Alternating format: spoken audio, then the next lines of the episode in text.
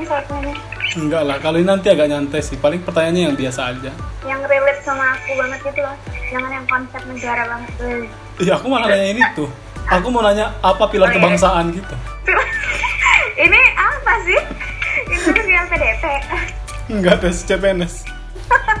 oke udah Halo teman-teman, sekarang aku lagi kedatangan tamu VVIP yaitu Citra Wulanjani. Dia adalah seorang guru penggerak di Mahakam, Kalimantan Timur dan juga merupakan pengajar muda angkatan 15 yang dikirimkan oleh Indonesia Mengajar untuk mengabdi di pelosok Papua beberapa tahun yang lalu. Asalmu dari mana sih, Cit? yang terakhir Blitar sih ya tapi pindah-pindah sebenarnya Di Blitarnya di mana? Di Kademangan? Di bagian doko tahu nggak kalau nggak tahu ya udah nggak usah nanya Enggak lah, tapi aku pernah di Kademangan sih beberapa kali, dua kali apa ya? Woi, enggak kok anak desa mas anak desa ya. Hmm. Kuliahnya di mana sih ya satunya? kemarin selesai satu aku tuh di UM di Universitas Negeri Malang ngambil pendidikan matematika di sana Hmm. Kenapa ngambil di sana di UM? Kenapa nggak di tempat lain? Drama banget sih itu. Jadi awalnya kan nggak punya tujuan yang pasti gitu loh. Pokoknya seneng-seneng aja sama kalau nggak pendidikan ya kesehatan gitu lah kak. Pada umumnya lah cewek-cewek. Terus waktu itu sama orang tua ternyata nggak dibolehin sama kesehatan. Jadinya aku pilih yang pendidikan aja. Karena aku anak bapak mama, jadi aku nggak boleh jauh-jauh. Jadi di Malang aja gitu. Makanya UM. Hmm. Kenapa kesehatan nggak dikasih? waktu itu karena mungkin ngelihat peluang ya. Bapak ngelihat peluang masuk kesehatan itu kecil apalagi aku um, sekolah SMA-nya di desa kan. Jadi daripada aku bapak melihat anaknya gagal ya kan. Mending dia melihat anaknya di pendidikan aja lah. Lagian pengen yang katanya kalau lihat kalau di pendidikan kan ngelihatnya yang murid-murid senang-senang kayak gitu kan. Kalau di kesehatan kan lihatnya orang sakit nggak tega aja. Hmm. gitu. Tapi memang dari dulu kamu suka ngajar atau ada nggak kepikiran jadi suster lah atau bidan gitu waktu masih cita-citanya dulu benar-benar kepikirannya dulu waktu SMP SMA malah eh, jadi dokter kak. Karena emang seneng banget membantu orang ngeliatin orang kalau lagi sakit gitu kan. Benar-benar seneng banget.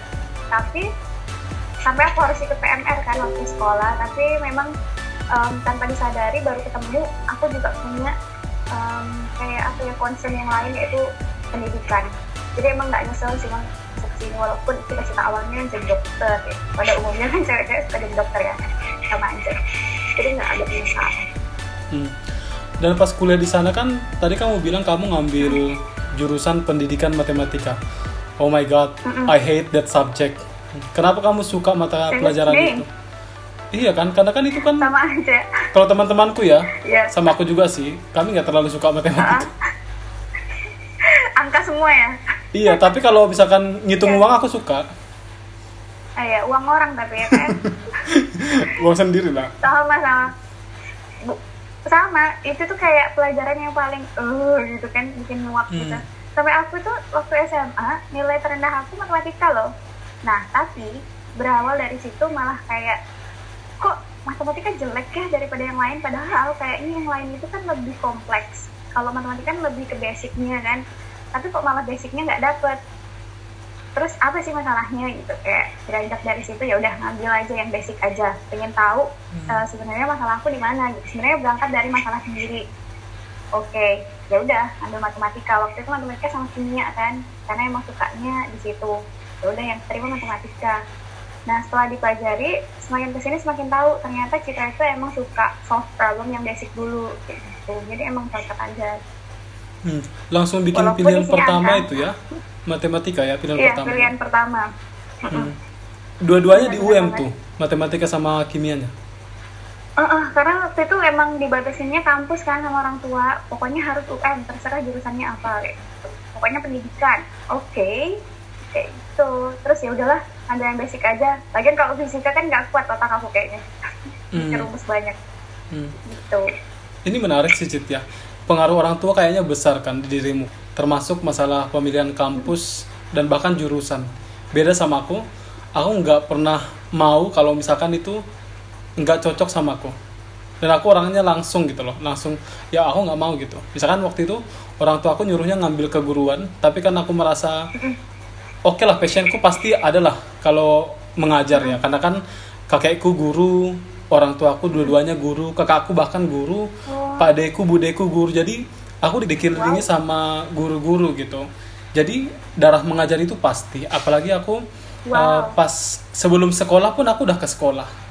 Jadi aku udah lihat dari dulu bagaimana orang tua aku mengajar gitu kan. Iya kan?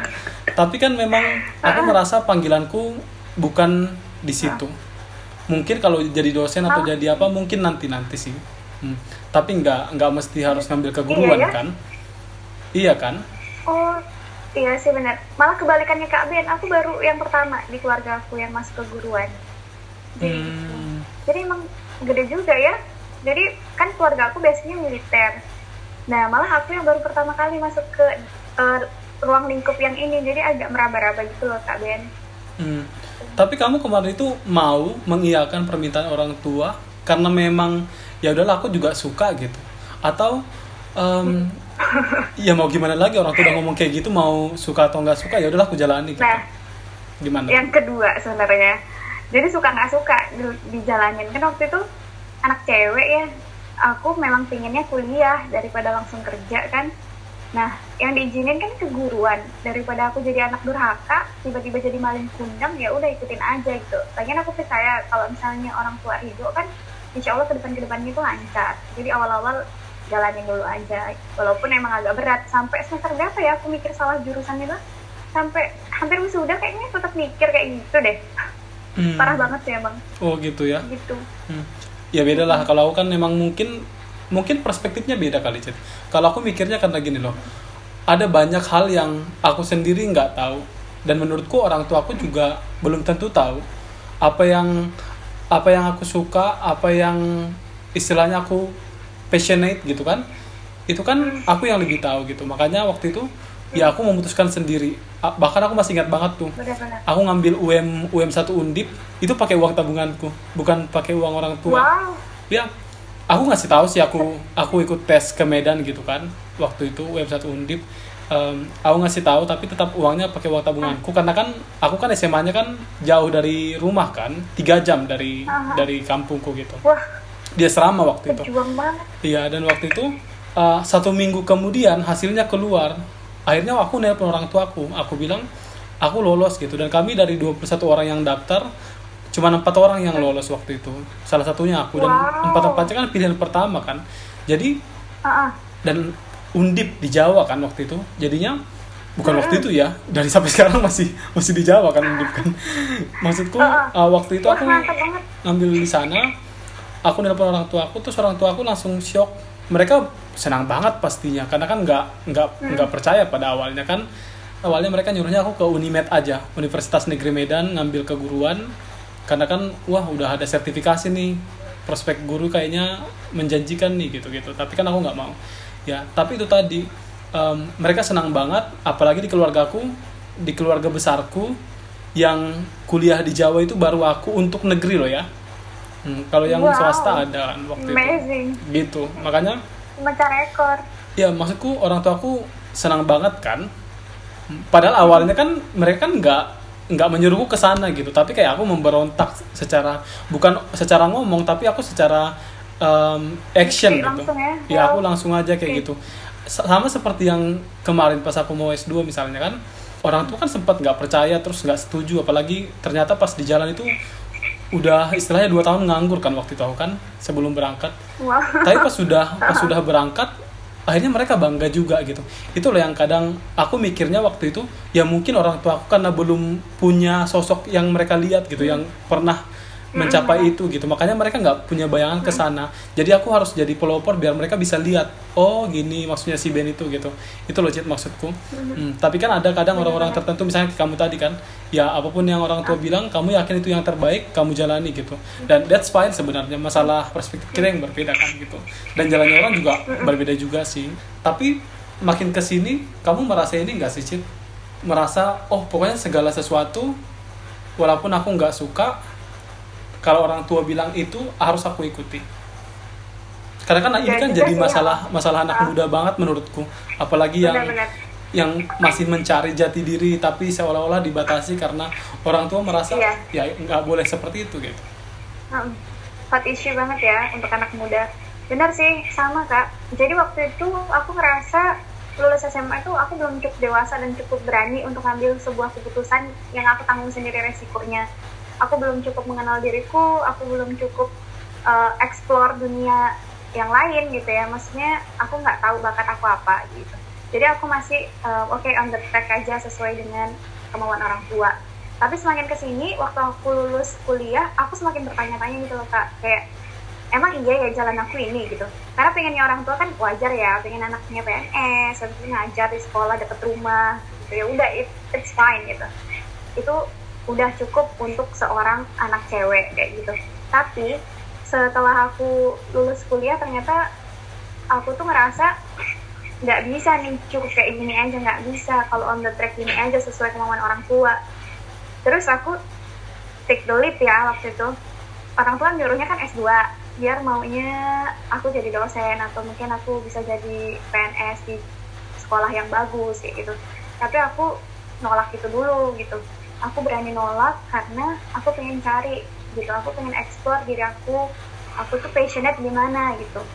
Dan ternyata semakin ke sini aku semakin sadar ada sebuah bidang khusus di pendidikan tentunya. Masih di uh, masih di ranah pendidikan ya. Tapi memang bukan sebagai seorang guru yang di depan kelas kayak gitu. Aku ada concern di bidang lain yang mungkin aku lebih passionate di situ. Dan aku harus um, struggle di situ sih karena memang bukan bidang aku. Kalau misalnya anak pendidikan kan pada umumnya memang lulus uh, lulus kuliah kan langsung ngajar di sekolah gitu kan jadi guru. Tapi kayaknya itu bukan aku deh gitu. Makanya aku bisa sampai sekarang ini kayak karena kepercayaan itu kak Ben. Aku pengen explore lagi dan lagi. Hmm. ada sesuatu yang memang harus aku tahu. Hmm. tapi apa? Apa itu tadi yang kamu maksud? Yang bukan seperti guru kebanyakan yang di depan kelas gitu sebenarnya aku pengen tahu fakta-fakta fakta-fakta yang ada di negara negara kita gitu. Sebenarnya apa sih yang terjadi sebenarnya gitu? Seolah-olah kalau aku stay di satu tempat kan aku buta dengan fakta-fakta yang di tempat lain ya. Nah itulah yang jadi alasan kenapa aku bisa uh, akhirnya pergi ke luar daerahku walaupun akhirnya memanfaatkan um, ini ya ijazah aku sebagai sarjana pendidik aku tetap pengen tahu gitu. Sebenarnya dampak-dampak apa yang dihasilkan dari mungkin kebijakan pemerintah atau mungkin fakta-fakta sosial yang ada di ibu kota atau mungkin kota-kota besar yang pengaruhnya secara khusus aku tuh memang sangat suka melihat di daerah-daerah. Jadi daerah-daerah itu biasanya nggak terjamah tuh kak Ben. Nah aku pengen melihat itu. Sesuatu yang jarang orang lihat kayak gitu. Jadi penasaran aja di situ hmm. kamu bilang tadi kamu pengen melihat sesuatu yang jarang atau hmm. tidak pernah orang lihat hmm. iya kan dari mana ya. awalnya munculnya pemikiran yang seperti itu karena kan aku yakin um, ya.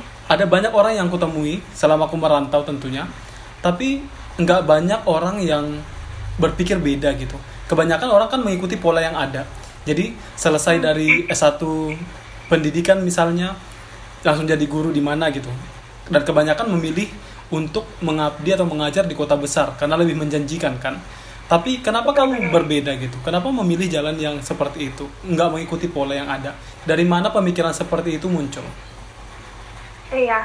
Uh, sebenarnya sih awal muasalnya adalah dari orientasi awal bahwa memang sejak lulus aku tuh nggak money oriented. Uh, kalau misalnya kak Ben tadi bilang ngajar di kota besar sangat menjanjikan memang iya. Tapi untuk saat ini aku nggak fokus ke sana memang. Jadi aku lebih ingin memenuhi rasa ingin tahuku rasa ingin tahu terhadap um, kualitas lah ya kualitas atau progres pendidikan di Indonesia. Nah karena aku ngomongnya general Indonesia aku nggak bisa pakai kacamata uh, daerahku aja. Aku harus lihat gimana sih pendidikan di ibu kota dan juga pendidikan di daerah-daerahnya dari situ aku tahu range-nya dan aku akan tahu di mana nilai tengahnya kayak gitu. Baru aku bisa ngomong masalah data. Karena kalau kita ngomong masalah data kan Indonesia kurang banget ya datanya. Kalau misalnya aku pengen tahu apa ternyata aku nggak bisa aku kepentok karena aku nggak bisa dapetin data itu. So ini alasan kenapa aku harus survei langsung sebenarnya survei langsung ke lapangan untuk menemukan apa yang sebenarnya aku butuhkan kayak gitu. Dan alasan utama lagi buat keluar dari kota Jawa karena aku takut kalau misalnya aku terus stay di comfort zone itu bakal ngebuat stuck pikiran aku gitu loh buat nggak berimajinasi lagi. Padahal aku yakin gitu kita diciptain kan pasti ada tujuannya. Dan mungkin tujuannya salah satunya untuk berinovasi. Kita nggak tahu gitu. Makanya coba aja dulu gitu untuk take the leap. Kenapa enggak gitu? Itulah alasannya kak dan salah satunya. Ya berani coba aja. Gitu. pengen tahu sebenarnya di luar kayak apa. Dan alasan um, lagi kenapa aku akhirnya oke okay, aku mau coba nih melihat langsung di daerah. Karena waktu itu skripsi aku tentang analisis kualitas soal UN ya. Jadi di situ aku nemu data uh, analisis soal selama lima tahun kan. Ternyata hasilnya faktanya soal-soal UN itu nggak terlalu bagus kak. Jadi nggak bagus untuk um, menilai kualitas berpikirnya anak-anak gitu dalam bidang matematika. Padahal itu udah zamannya itu nah awal-awalnya Kak Ben pernah dengar HOTS nggak ya HOTS? Soal-soal HOTS. Karena aku skripsian tahun 2015 ya. Nah di situ lagi kencang-kencangnya tentang HOTS. Berpikir tingkat yang lebih tinggi. Jadi itu lebih ke analitis kreatif kayak gitu creating kayak gitu kak. Nah di situ aku jadi melihat loh kalau kualitas soalnya aja jelek terus nilainya ternyata faktanya nilai UN-nya anak daerah kan nggak terlalu bagus ya. Kalau kualitas soalnya jelek nilainya jelek terus gimana sih realnya di lapangan gitu? Jadi tanda tanya besar. Nah aku harus proof itu langsung di lapangan. Itu kak. Tadi kan intinya kan kamu kan pingin mengambil data kan? Pingin melihat langsung di daerah itu seperti apa? Dan selama Benar. selama beberapa tahun terakhir setelah lulus S1 hmm. Kamu kan pergi ke Papua dan sekarang di Kalimantan ke Kalimantan kan?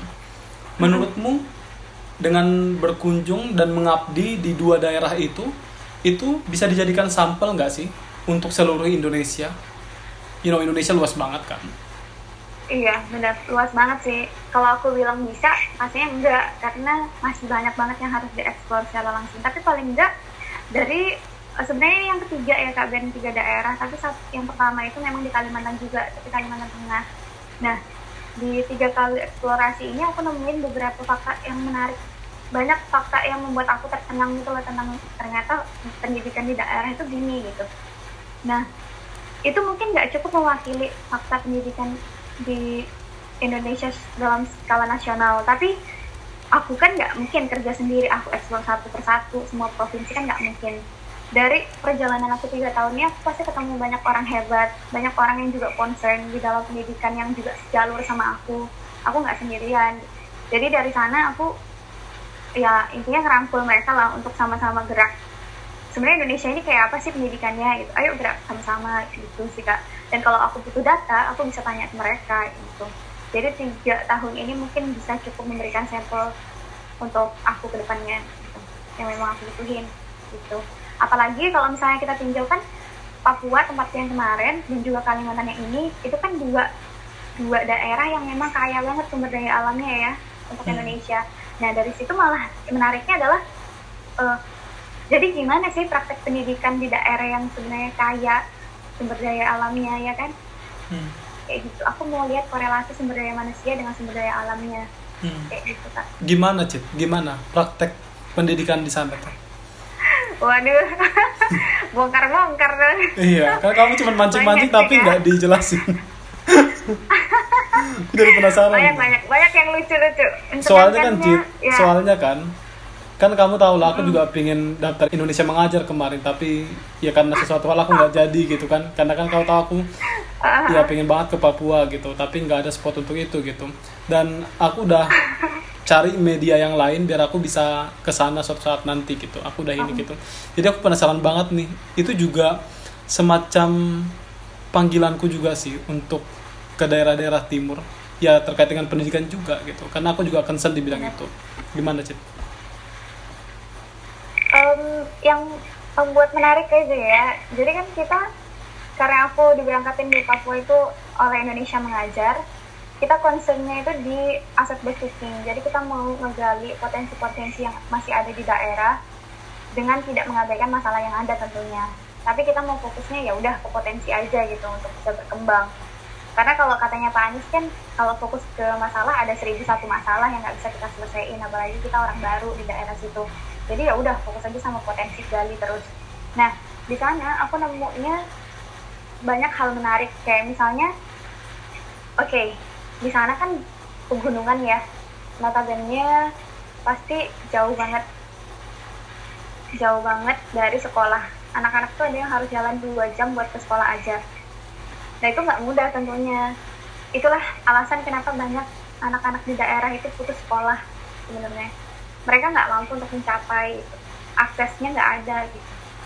Dan mereka harus dihadapkan dengan realita uh, kebutuhan ekonomi kayak gitu. Jadi mereka mending kerja aja gitu daripada mereka sekolah dan effortnya berlebih sedangkan dampaknya mungkin nggak terlalu signifikan. Itulah alasannya mereka akhirnya ya udah selesai aja sekolahnya gitu. Dan itu yang kayak membuat miris kak. Karena apa? Karena kita sama-sama tahu pengajar muda sama-sama tahu bahwa anak-anak di daerah itu sama loh keinginannya sama anak-anak di kota. Mereka punya mimpi yang sama yang mau dikejar gitu. Nggak adil rasanya nggak adil kalau misalnya mereka itu dihadapkan sama oke okay, sarana sekolah yang terbatas guru yang mungkin terbatas juga gitu. Padahal mereka sama-sama punya mimpi gitu. Nah di situ kan kita sebagai orang yang terdidik kan merasa apa gitu manfaatnya kalau misalnya kita hanya diem aja dan dampak dari diam kita adalah memutus harapan anak-anak di daerah. Nah di situ akhirnya aku makin terpacu buat oke okay, ayo nyalain lilin sama-sama walaupun lilin kecil kan barangkali lama-lama bisa nyalain genset di daerah kan? Maksudnya adalah kalau semangat kecil itu bisa dipantik terus menerus mungkin lama-lama akan menjadi besar dengan cara menyerahkan orang-orang yang sama-sama peduli di sana gitu. Itu konsepnya sih kak yang membuat aku kayak wah gitu. Nggak bisa. Awalnya kan aku kayak gitu gitu loh sama fakta-fakta pendidikan yang ada di Indonesia. Bahwasanya apaan sih ini kurikulum? Apaan sih ini dana pendidikan diselewengin terus? gitu kan. Sampai aku kayak udah pada titik jenuh.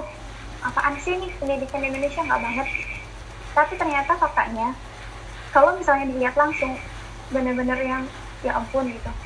Aku nggak bisa berhenti di sini aja gitu. Ada orang-orang yang memang butuh perjuangan-perjuangan kecilku. Gitu. entah perjuangan apa itu ya aku sebagai orang yang biasa aja gitu. Aku merasa aku sangat bermanfaat di sana kak. Aku sangat merasa dibutuhkan sama anak-anak di daerah ilmu sedikitku itu ternyata sangat bermanfaat buat mereka. Gimana mungkin aku bisa diam gitu? Aku nggak mungkin diam setelah aku tahu hal itu gitu. Itu yang terus aduh Citra kamu nggak bisa berhenti gitu. Aku udah terlanjur terjebur gitu kan. Di situ aku kayak ya udah ayo Citra semangat cari root case-nya bantu mereka gitu.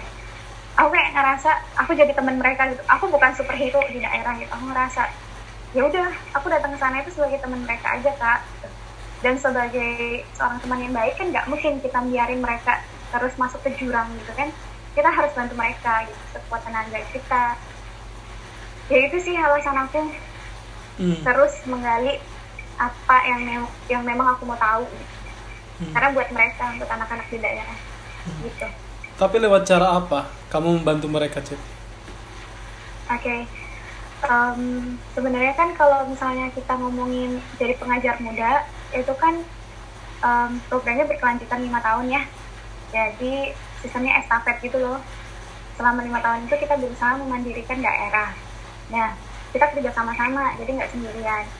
Nah kalau misalnya ngomongin masalah um, peran pribadi aku kayak think, kayak kepentok akhirnya sama pengaplikasian matematika itu sendiri dalam uh, penyelesaian masalah dalam kehidupan sehari-hari khususnya di bidang pendidikan ini jadi aku ngerasa bahwa oke okay, kalau kita ngomongin masalah kan banyak ya kak ya. Kayak sarananya guru yang nggak uh, tersebar luas gitu yang nggak datang sekolah um, dan lain sebagainya. Nah setelah dianalisis ternyata case-nya adalah uh, digaji guru mungkin ya di penghargaan dari pemerintah ke guru dalam hal salary kayak gitu.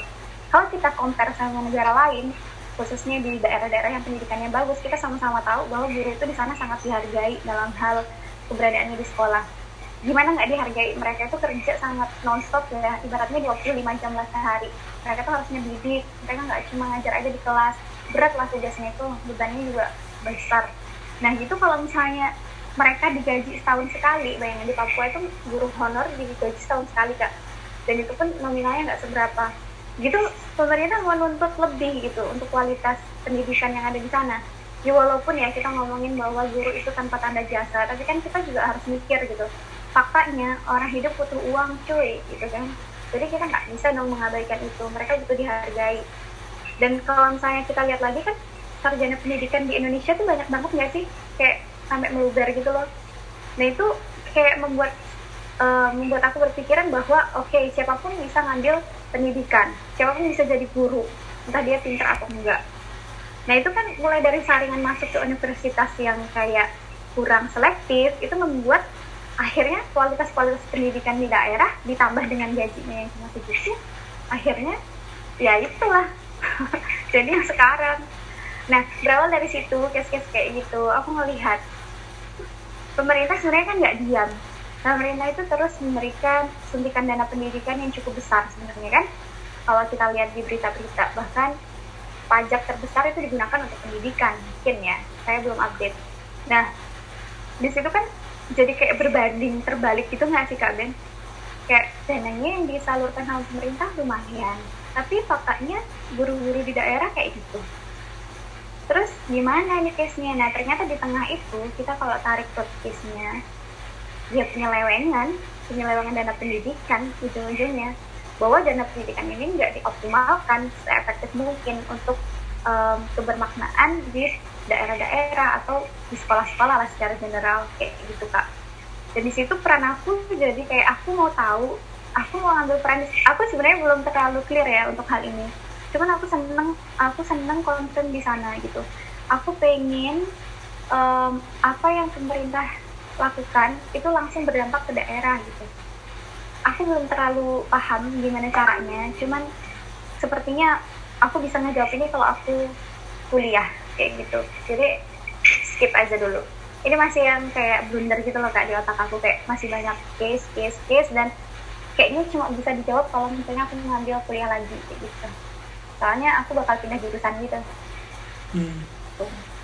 Hmm, tapi aku pingin ini deh kita bicara masalah ini dulu yang Papua ya yang awal-awal dulu gitu. Kan kamu ke sana tahun berapa ya Cip ya? 2017 2017 pas baru selesai ya S1 ya hmm. enggak enggak aku selesai S1 tuh 2016 oh 2016 udah dari Kalimantan itu Eh, kita yang ngapain nyebut tahunnya dari jadi ketahuan umur dong. eh. Iya. Gak apa sih awet muda aja kok. Iya, iya benar.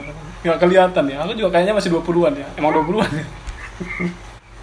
Sebelum berangkat ke daerah-daerah penempatan itu di daerah timur, kamu udah pernah membayangkan gak sih mengira-ngira gitu?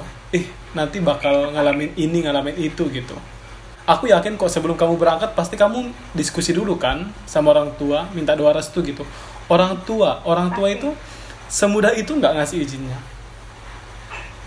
Jelas apalagi kan ya. kamu tadi kan bilang kan kamu anak papa mama kan tiba-tiba seorang citra yang untuk S1 aja nggak dibolehin jauh-jauh kecuali di Malang di UM tapi ini nah, iya. minta untuk mengabdi di Papua hmm. seorang perempuan loh okay. hmm. menarik hmm Iya, itu dibongkar masa lalu. Gimana? Gimana cara meyakinkan orang tua untuk kamu bisa berangkat ke sana? Oke. Okay. Kadang emang kita nggak bisa berorientasi sama yang enak-enak aja ya kak. Kadang kebahagiaan itu juga diambilnya dari sesuatu yang nggak enak gitu. Itu adalah cara aku menikmati hidup. Nah, cara aku meyakinin orang tua tentu agak agak ribet juga waktu itu. Jadi setelah lulus kan memang disuruhnya S2 ya biar langsung jenjang karirnya bagus lah. Nah seorang Citra akhirnya memberontak gitu yang Citra beneran Citra. Citra memberontak sedikit memberontak di hati kayak aduh jangan dulu lah sampai ikutin gitu. Ada sesuatu yang harus diselesaikan dulu sebelum lanjut S2 jadi waktu itu aku bilangnya ke orang tua e, Pak Bu gitu kan. Boleh nggak minta dua tahun aja? Waktu itu izinnya dua tahun buat ngelakuin apa pun yang aku mau apa pun itu. Waktu itu nggak clear apa pun itunya apa gitu. Yang penting bolehin aku ke mana pun dan apa pun kayak gitu. Waktu itu memang nggak diizinin karena kan nggak clear rencananya. Tapi aku masih tahu alasan itu apa. Jadi ada beberapa yang memang harus diselesaikan terkait dengan uh, permasalahan hati dan pikirannya. Jadi aku harus selesaiin itu dulu pak bu. Oke dua tahun ACC tahun pertama aku cari-cari um, yang bisa keluar Jawa tanpa ikut organisasi apa pun. Jadi waktu itu nggak tahu Indonesia mengajar sebenarnya kan. Akhirnya Qadarullah dapat yang di Kalimantan Tengah. Waktu itu ikut perusahaan sawit. Jadi situ memang kencang kerja banget kan di daerah sawit. Terus di situ aku nggak karena yang dicari adalah bukan cuma ajar jadi sosialnya juga dampak masyarakatnya juga aku nggak bisa dapetin itu di kerjaan aku sebelumnya gitu ya. Akhirnya aku resign uh, sebelum aku resign aku nemu informasi tentang Indonesia mengajar yang kayaknya itu aku banget. Akhirnya aku daftar kan kak. Eh ternyata lolos. Ya udah aku resign dari yang Kalimantan Tengah itu dan aku lanjut ikut Indonesia mengajar. Aku izin dong ke orang tua. Uh, aku resign ya dari yang sini. Lah katanya cuma dua tahun aja. Malah mau resign maksudnya apa gitu kan udah mentak-mentak gitu lah. Ini ikut gerakan relawanan ke daerah-daerah. Berarti di pelosok? Iya di pelosok. Kalau nggak di pelosok yang ngapain? Aku minta dua tahun gitu kan. Jadi dekat kayak itu sih. Terus gimana kalau misalnya nanti dapetnya pelosok Papua? Ya nggak mungkin lah kata aku dari banyak penempatan nggak mungkin aku yang ke Papua kata aku. Udah tenang aja. Nah terus kan kalau Indonesia mengajar itu kan pengumumannya di akhir ya di minggu kelima. Jadi setelah minggu kelima HP kita kan disita tuh waktu pelatihan. Jadi kita cuma boleh ngambil di hari minggu aja setelah selesai tugas. Nah itu pengumumannya bukan di hari minggu di hari Kamis. Jadi waktu itu aku memang udah ada gejolak hati itu udah aku selesaikan sendiri. Jadi aku juga nggak sebenarnya nggak terlalu gimana dapet Papua itu nggak terlalu ikhlas. Karena memang aku takut juga sebenarnya kan di awal aku selesaiin dulu masalah hatiku sama diriku sendiri. Aku udah ikhlas aku udah terima hari minggu aku dapat HP baru aku kabarin orang tua sok tegar gitu kan aku bilang hmm. pak bu alhamdulillah dapat Papua. Terus nangis dong mereka. Katanya udah keluar aja. Gitu lah kenapa keluar? Orang pengabdian setengah-setengah nggak mungkin kan sekalian aja kata aku. Terus ya udah lagian kan kita punya satu tahun lagi buat tiket keluar Jawanya gitu oh ya ya udah. Ya udah akhirnya dengan perdebatan yang cukup nggak sederhana itu di ACC dan berangkat. Oh, udah deh berangkat ke Papua. Hmm. jadi berawal dari minta izin tiket main tiket main dua tahun. Jadi gitu kak tapi persiapanmu apa sih sebelum ke Papua? Wah banyak banget kak. Jadi kan aku bukan anak gunung ya. Ibaratnya aku tuh anak pantai lah. Yang sukanya ya udah gitu santai gitu nah ke Papua itu kan butuh fisik fisik mental gitu ya. Apalagi banyak banget. Yang paling kerasa persiapan itu sih kak. Fisik karena aku nggak mau nanti di sana malah jadi sakit-sakitan ngerepotin orang. Apalagi sendirian kan tidak di desa kan sendiri tuh. Kalau aku mau ke kota aku harus jalan berjam-jam. Nah aku harus ngedrill fisikku yang mana aku memang nggak terlalu suka olahraga sebetulnya. Jadi tiap minggu tuh harus eh tiap hari harus lari tiap pagi itu harus aduh eh kayak gitulah. Dan juga belum peralatannya kan nggak boleh yang biasa-biasa aja. Apalagi di sana masih kenceng sama kalau saya kak Ben tahu ada suatu gerakannya gerakan yang cukup um, itu membahayakan. Hmm. jadi aku harus cover diri aku dari hal-hal yang bisa memancing kecurigaan kayak gitu. Jadi benar-benar semuanya jadi kayak di dibeli ulang. Waktu itu kan kere-kere banget ya kayak ya. beli keril lah beli sepatu gunung lah beli ini aduh kere banget lah. Ya udah selain persiapan fisik yang kayak gitu dan juga persiapan materi persiapan hati sih karena tentunya mereka mereka saudara kita yang ada di Papua akan sedikit berbeda ya dengan orang-orang di Jawa yang mana saya memang dari besar uh, dari kecil kan dibesarkannya di Jawa. Pasti ada mindset mindset baru dan saya harus siap menerima itu gitu jadi benar-benar yang ngosongin hati ngosongin gelas benar-benar yang harus belajar dari nol. Entah itu belajar dari siapa pun kan? Ilmu bisa didapatkan dari mana pun. Dia benar-benar yang ngosongin gelas pergi ke sana itu. Benar-benar yang akan idealisme ego yang sama ini pegang gitu. Kayak gitu kak. Hmm. memancing kecurigaan. Apa aja sih Cid, yang bisa memancing kecurigaan mereka? Waduh. Terkait gerakan itu ya? Hmm Ah, oke Aku penasaran Jadi, nih karena aku kan kalau- nanti kan mau ke sana kapan-kapan kan. Tiba-tiba aku nggak tahu Ah. datang ke sana, aduh gimana gitu. diculik hilang Ada yang menyulik Iya. ya? Kalau nggak ya? kayaknya nggak bakal deh Oh nggak bakal ya udah Oke. Jadi kita eh, sebenarnya kan karena mereka tujuannya adalah memerdekakan organisasinya, gitu ya, terpisah dari Indonesia. Berarti kita nggak boleh nunjukin sisi nasionalisme kita yang terlalu gimana-gimana gitu loh. Jadi kita benar-benar harus ngerajut kebinekaan itu dari awal gitu. Kita nggak boleh yang terlalu um, oke idealis ah, Indonesia itu gini gitu. Karena mereka sepertinya Indonesianya belum 100% dan kita yang punya tugas untuk men 100% kan itu dan cara untuk uh, nge-avoid uh, kecurigaan mereka adalah bersikap oke selayaknya guru kayak ya udah nggak usah bawa-bawa uh, barang-barang terlalu militer kayak pisau celana training yang ada doreng-dorengnya itu terus juga nggak usah yang terlalu kalau diajak diskusi soal Indonesia nggak usah yang terlalu gimana-gimana. Terus nggak usah yang terlalu kayak mencari tahu sebenarnya gerakan itu tuh apa gitu. Udah santai aja gitu let it flow. Gitu selayaknya jadi penduduk gitu. Kalau misalnya dicurigai bisa-bisa emang hilang kak besoknya. Pernah ada kejadian di desa sebelah sih. Dan bendera memang sering hilang juga kak bendera merah putih yang di sekolah itu. Jadi memang benar-benar harus oke kaum harus yang mainnya cantik gitu lah nggak menimbulkan pertanyaan-pertanyaan ya walaupun sebenarnya gemes juga pengen eh kamu tuh Indonesia gitu kan tapi ya pelan-pelan namanya orang kan harus nggak boleh dipaksa Hmm. gitu. Deg-degan juga berarti ya. Pas pertama nyampe Lumayan. deh, menginjakan kaki di daerah penempatan. Apa sih yang ada di pikiranmu waktu itu? Oke, waktu itu kan kita naikin pesawat dua kali ya. Jadi kita stay dulu di Jayapura. Tapi waktu kerasa benar-benar Papuanya memang waktu di penempatan aku Kabupaten Pegunungan Bintang. Itu tuh Kabupaten Pegunungan Tengah yang dulunya Jaya Wijaya, tapi sekarang udah pisah gitu. Nah, pas sebelum turun, sebelum melandai, di sana kan bandaranya asik banget ya kak. Jadi pesawat itu di sini, di sini ada anak-anak kecil main, itu nggak apa-apa gitu. Nah, waktu sebelum bandar, eh, sebelum pesawat ini turun, yang aku lihat pertama kali ada anak kecil, ada anak kecil cowok, aku ingat banget sekitar umur 4 tahun. Dia ngambilin tangan gitu ke kita kayak seolah kenal banget gitu loh, sambil senyum.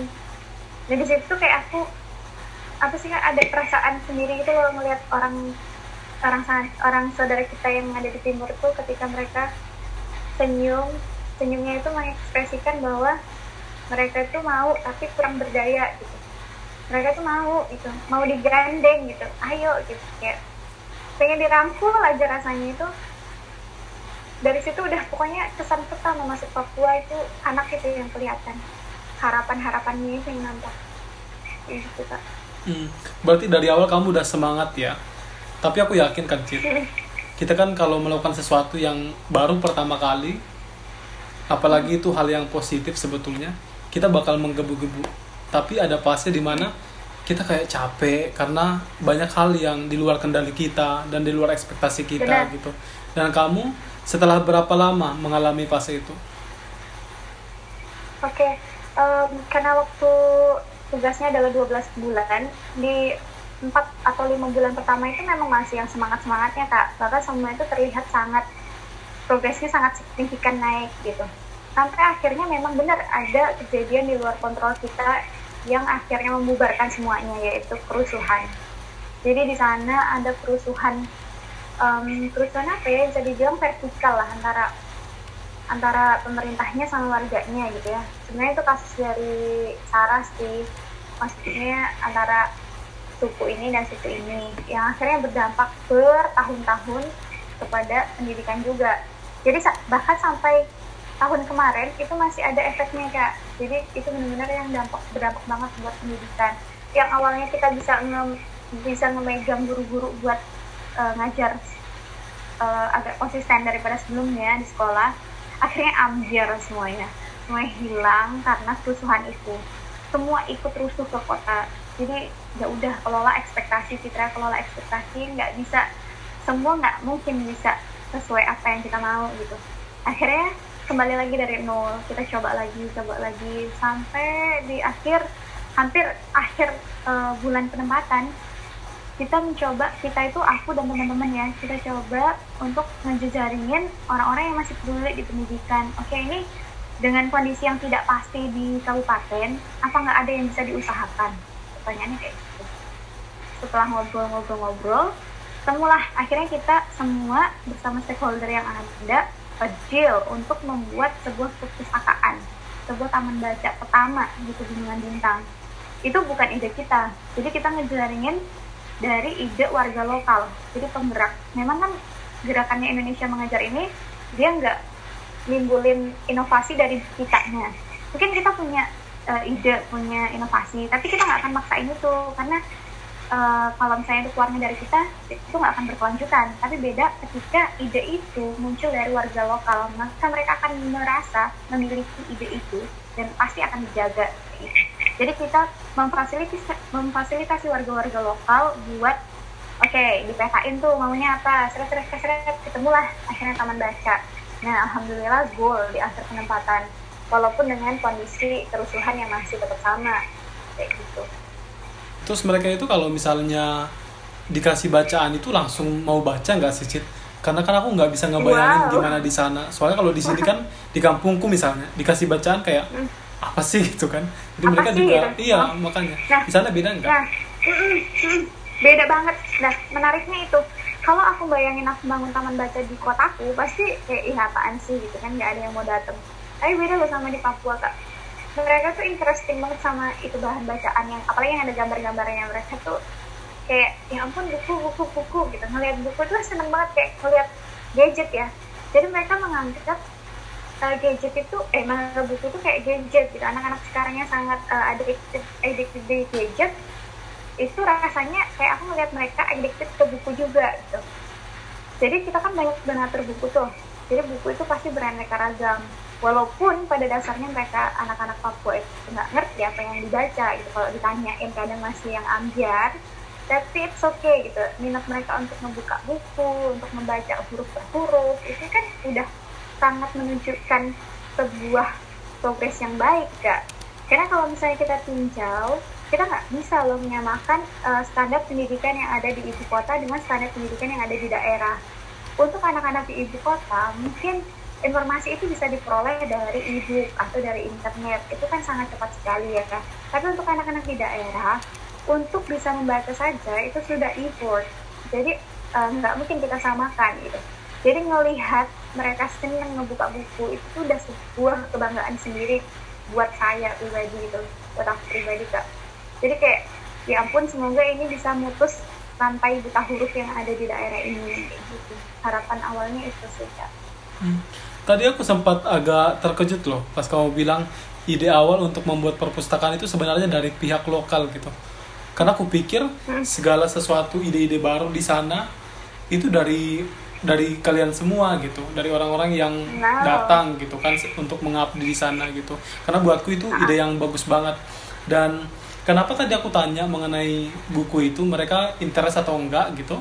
Karena aku nggak bisa nggak bisa ngebayangin gitu. Misalnya gini nih di kampungku misalnya dulu ya zaman zaman aku kecil misalnya kalau aku lihat ya orang kan nggak memandang pendidikan itu penting buku itu penting juara di kelas itu penting. Gara-gara mereka nggak pernah lihat sosok yang orang yang pintar orang yang rajin membaca orang yang berpendidikan itu bakal sukses gitu. Karena banyak banget di kampung itu dulu ya orang yang dia juara satu kok tapi ya ujung-ujungnya jadi ya jadi petani biasa gitu di kampungku gitu. Ya itu tadi. Jadi um, di Papua tadi kenapa mereka bisa membayangkan untuk membuat perpustakaan? Belum lagi kenapa ya bisa kenapa ya anak-anaknya bisa se excited itu gitu? Melihat buku gitu. Okay. padahal di tempat lain belum tentu seperti itu. Nah kalau misalnya kita munculin ide-ide kreatif dari sudut pandang kita kayak misalnya kita bisa aja punya ide untuk membuat gerakan sosial apa gitu ya membuat sebuah organisasi gitu bahkan kita bisa membangun sesuatu yang lebih daripada sebuah taman baca sebenarnya kan kalau ditinjau kan seperti itu tapi kalau kita ngomong kayak gitu itu tuh biasa kak Ben gitu aku menganggapnya ya semua orang yang ada di luar daerah terus datang ke daerah lain pasti bisa memberikan sebuah masukan atau inovasi.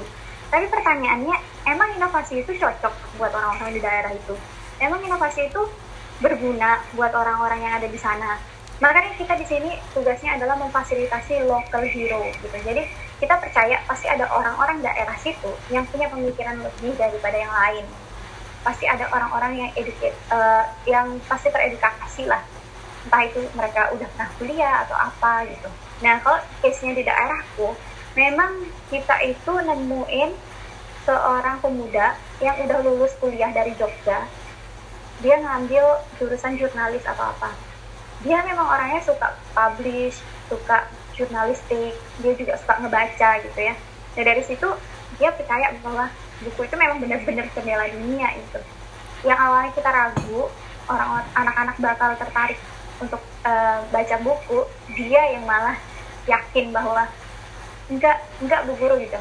Dengan buku tuh kita bisa pintar gitu. Kita bisa lebih daripada ini gitu kita bisa tahu dunia sana walaupun kita nggak sana gitu. Oke okay, good gitu kan. Kita hargain itu gitu. kita hargain semangatnya kita dukung semangatnya dengan cara oke okay, case nya di mana? Dia nggak mampunya gimana misalnya nggak mampu dalam hal finance. Oke okay, kita coba cari orang-orang yang kuat finance tapi nggak bisa gerak nggak punya ide. Nah kita kolaborasikan ini semua gitu.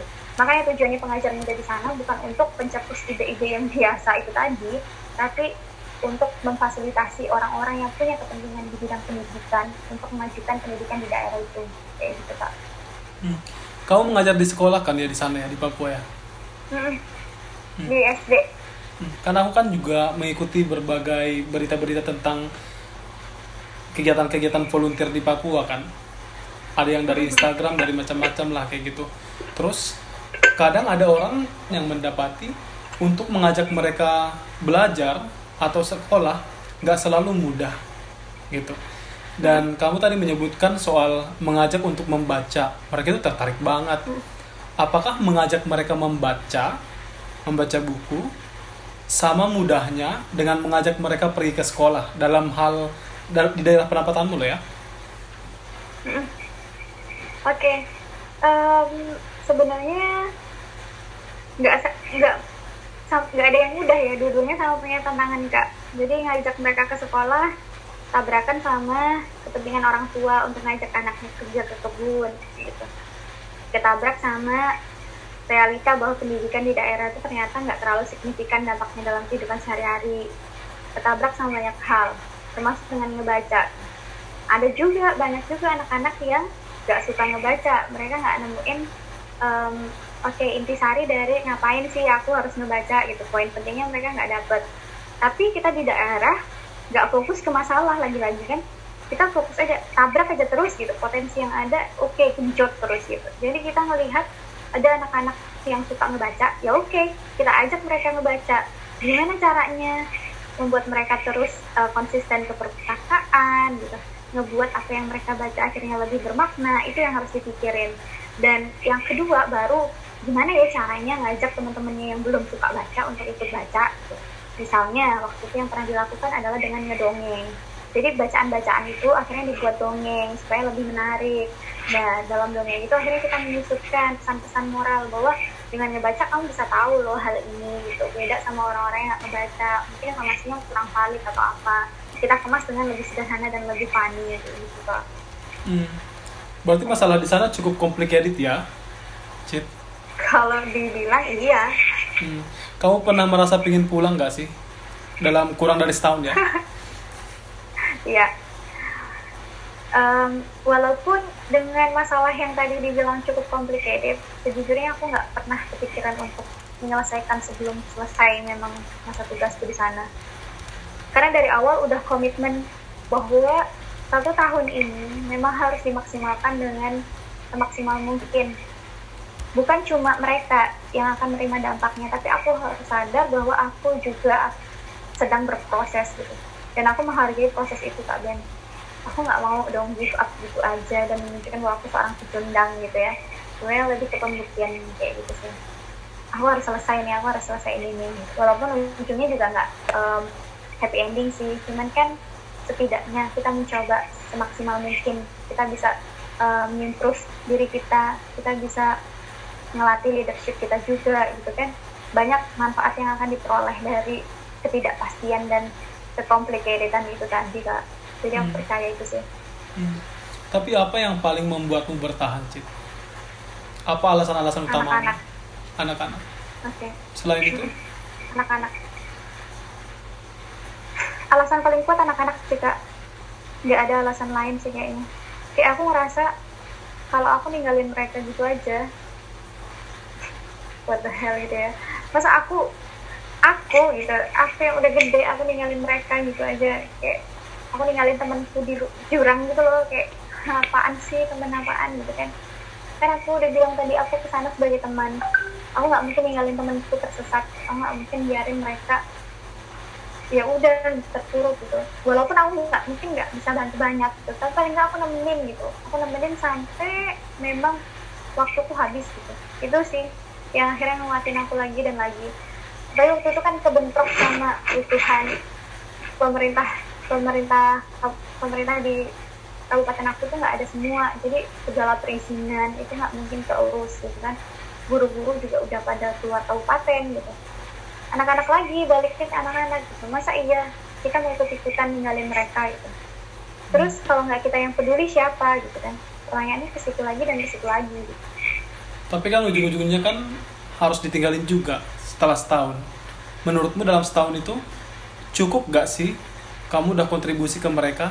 Istilahnya kan tadi kan kamu bilang nggak mungkin dong aku ninggalin mereka terus mereka mereka kita biarin aja ke jurang gitu kan. Selama setahun itu kamu udah bisa membekali mereka nggak dengan ilmu-ilmu yang membuat mereka untuk tidak mengarah ke jurang tadi? Eh, Oke, kalau dibilang udah disampaikan semua apa belum ilmunya, aku merasa sudah semaksimal mungkin ambil gitu ya. Aku udah semaksimal mungkin ngasih yang aku tahu gitu. Tapi karena dasarnya aku juga nggak banyak tahu, nggak banyak tahu gitu ya tentang apa yang ada di dunia ini gitu. Aku cuma ngasih dasar-dasarnya aja kak. Gimana cara survive, gimana motivasi-motivasi buat dia terus bangkit walaupun nanti harusnya gagal nggak mungkin dong kita terus kayak sales yang promosi bagus-bagusnya aja toh realita kehidupan itu pasti ada pahitnya. Nah itu sih yang disampaikan. Itu yang di kayak di kader gitu loh. Kalian harus siap gitu nerima. Kalau perjuangan kalian ke depan nanti nggak akan mulus gitu. Kalian harus siap nerima kegagalan dan gimana caranya supaya bangkit cepet dari kegagalan itu. Itu yang kemarin dilatihkan terus dan terus sama akunya. Karena aku kan lebih fokusnya ke self improvement dari masing-masing anak kan. Jadi kayak ya udahlah gitu. Nggak pinter sekarang nggak apa-apa kok. Nanti bakalan pinter kok suatu saat nanti gitu. Semua orang juga punya potensinya masing-masing gitu. Aku nggak akan maksain kamu atau kamu pinter di matematika aja gitu. Enggak tapi lebih ke oke okay, kepribadiannya karakternya cara dia nanganin masalah. Oh tuh juga gini. Banyak anak-anak di sana yang punya cita-cita bagus ya kak ya. Kayak pilot dokter gitu ya aku sampein lagi gitu. Aku ajak mereka ngobrol gitu. Gimana cara kamu nyam, nyampe ke titik itu gitu. Kalau misalnya mereka rasa kurang um, apa sih possible ya aku mau ngajak mereka untuk memungkinkan yang tidak mungkin itu tadi dengan cara mereka mikir dari saat itu. Mumpung mereka masih SD kan waktu itu. Jadi mereka nggak berkhayal gitu loh. Mimpi mereka aku nggak nggak mau mereka itu cuma sekedar hayalan gitu. Silakan terus berjuang itu yang aku terus tanamin sih. Jadi walaupun cuma setahun paling nggak nilai-nilai dasar itu mereka pegang. Hmm. dari setahun itu apa menurutmu hambatan terbesar yang kamu hadapi? Dalam segi ngajar nih.